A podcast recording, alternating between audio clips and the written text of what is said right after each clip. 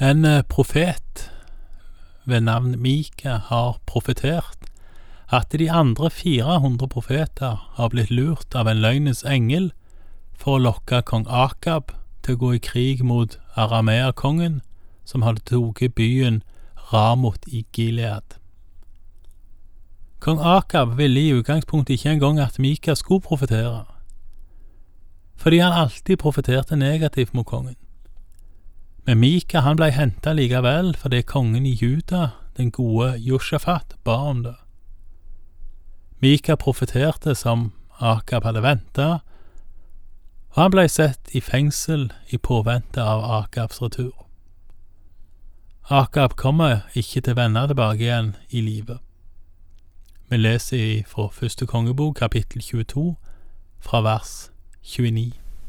Så dro kongen i Israel og Josjafat, kongen i Juda, opp mot Ramot i Gilead.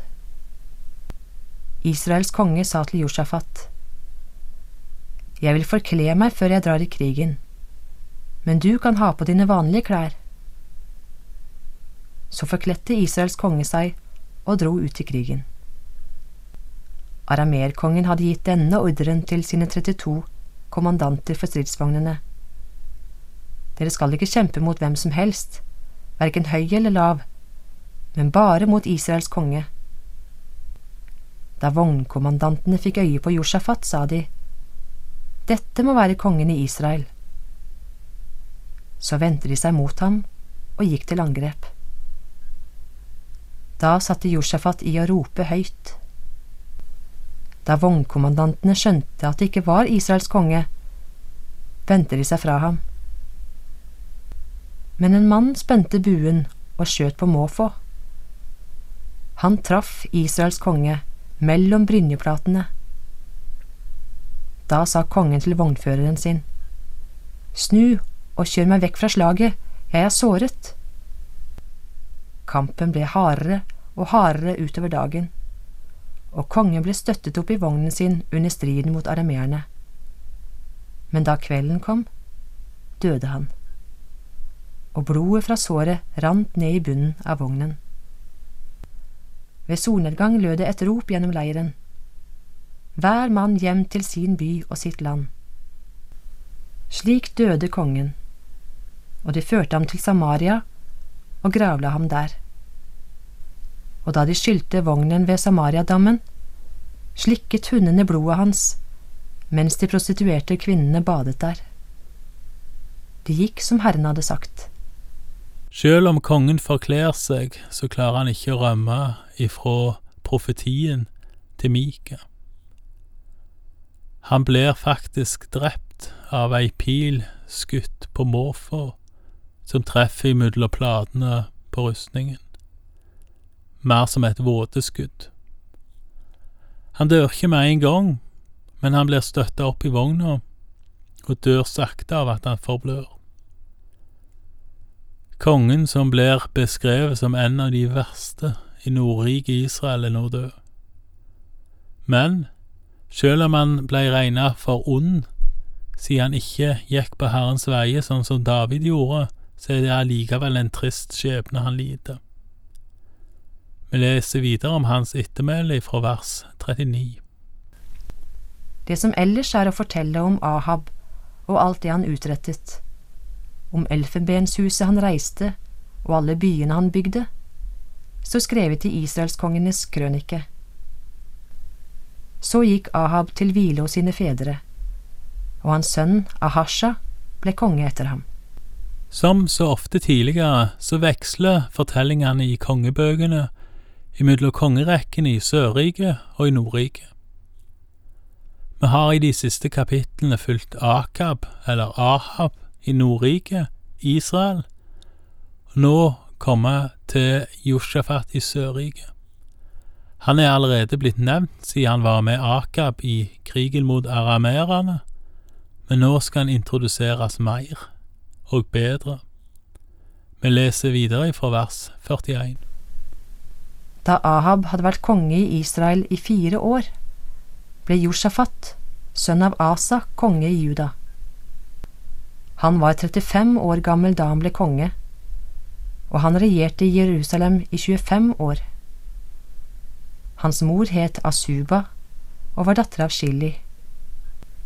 Josjafat fulgte i ett og alt i sin far Asas fotspor, og vek ikke av fra dem, men gjorde det som var rett i Herrens øyne. Men offerhaugene forsvant ikke, og folket fortsatte å ofre og brenne røkelse på haugene. Josjafat holdt fred med kongen i Israel.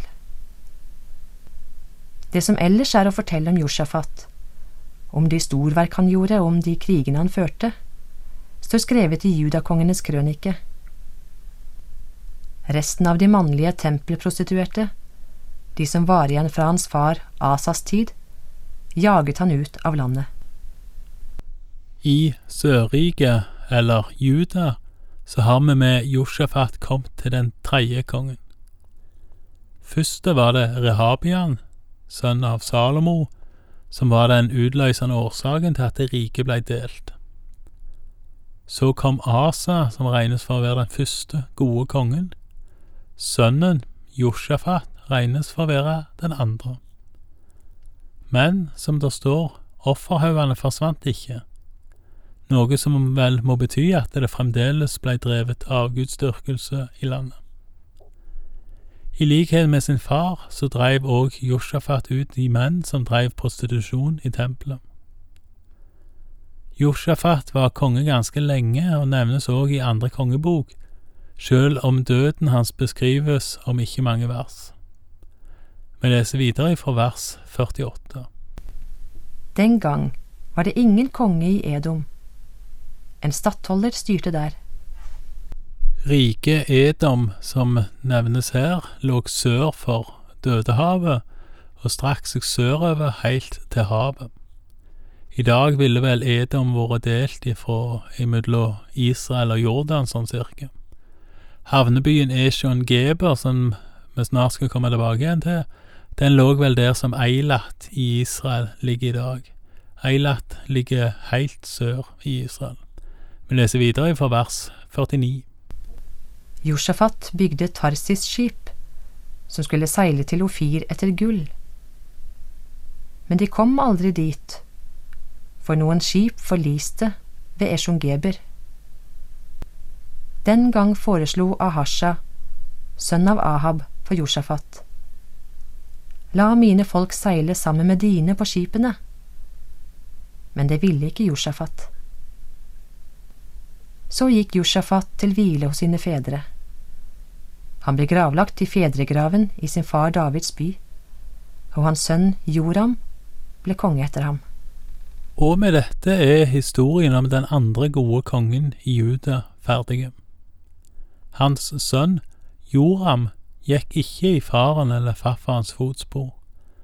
Han fulgte ikke i Davids sine heller, og regnes derfor ikke blant de gode kongene i Juda, siden han ikke gjorde etter Herrens vilje. Han kommer vi tilbake igjen til seinere. Nå veksler det over igjen til Nordrike og sønn av Akab, Asha, som hadde ei ganske kort regjeringstid. Vi leser fra vers 52. Da Josjafat hadde vært konge i Juda i 17 år, ble Ahasha, sønn av Ahab, konge over Israel i Samaria. Han regjerte i Israel i to år. Ahasha gjorde det som var ondt i Herrens øyne. Han fulgte i fotsporene til sin far og mor, og til Jeroboam, sønn av Nebat, han som fikk Israel til å synde. Han dyrket Baal og tilba ham og gjorde Herren Israels Gud rasende, helt og fullt som hans far hadde gjort. Og med historien om en rasende gud så stopper første kongebok ganske brått, midt i kongerekkene. Og så langt jeg kan forstå, så er inndelingen mellom første og andre, andre kongebok ikke mer avansert at den har delt noenlunde midt på, av praktiske grunner, med andre ord. I tidligere bibelutgaver så var det ei bok, kongeboka, sånn som òg samespøkene var ei bok. Men for å komme med ei oppsummering så langt. De første elleve kapitlene omhandler hele riket i storhetstida. Starter med David som en gammel mann, og fortsetter med kong Salomo og hans regjeringstid. Cirka halve første kongebok omhandler kongene etter delinga. I Judariket, som varte lengst før det gikk unna og folket ble ført vekk i fangenskap, så har vi nå vært innom fire-fem cirka av totalt 20 konger. Størsteparten er igjen. I Nordriket Israel så har vi vært innom en sju-åtte konger. Den åttende er Ahasha, sønn av Akab, som vi nettopp har lest om når han ble innsatt, og som vi skal lese mer om i andre kongebok. Totalt er det elleve konger igjen som ikke er nevnt, og da blir totalen i Nordriket altså 19. Parallelt med kongerekkene har òg profetrekkene, om en kan kalle det det, gått gjennom kongebøkene. Og der kongene ikke gikk på Herrens veier, så har vi lest om flere profeter som gjorde det, og flere kommer. Som nevnt tidligere, det kan virke som at eh, til verre kongen var, til mer spesielle gaver ble profeten som virka under den kongen gitt. Elia som virka når kong Akab og dronning Jesabel regjerte, får virke som et eksempel.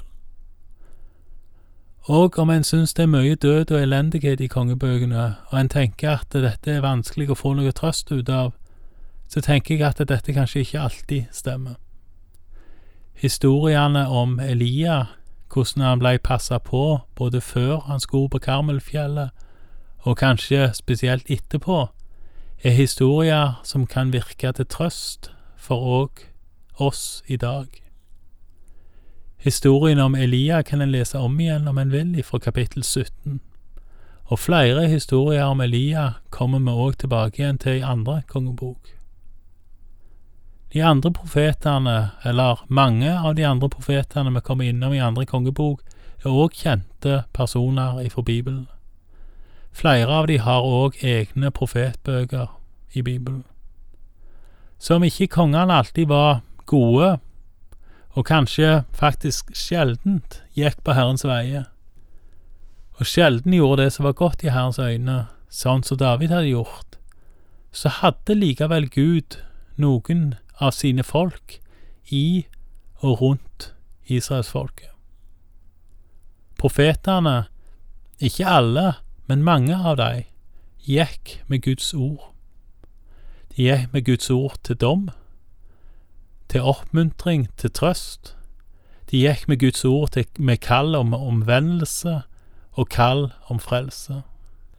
Det var en rest igjen, òg da, av Herrens folk og i den tida som var så vanskelige for israelsfolket.